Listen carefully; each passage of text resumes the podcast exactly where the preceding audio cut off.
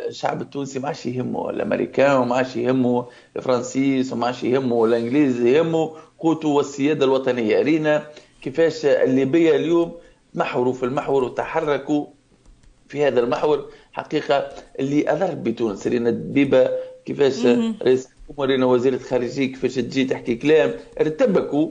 نحن رئيس قيس سعيد ما عادش هذا الانفلات الليبي في تونس. أو مواطن ليبي يقتل ويمشي على روحه يشدوا ميليشيات توانسة ما عادش هذا. ما شوفوا رجعت السيادة الوطنية بدون ضغط بدون حتى شيء.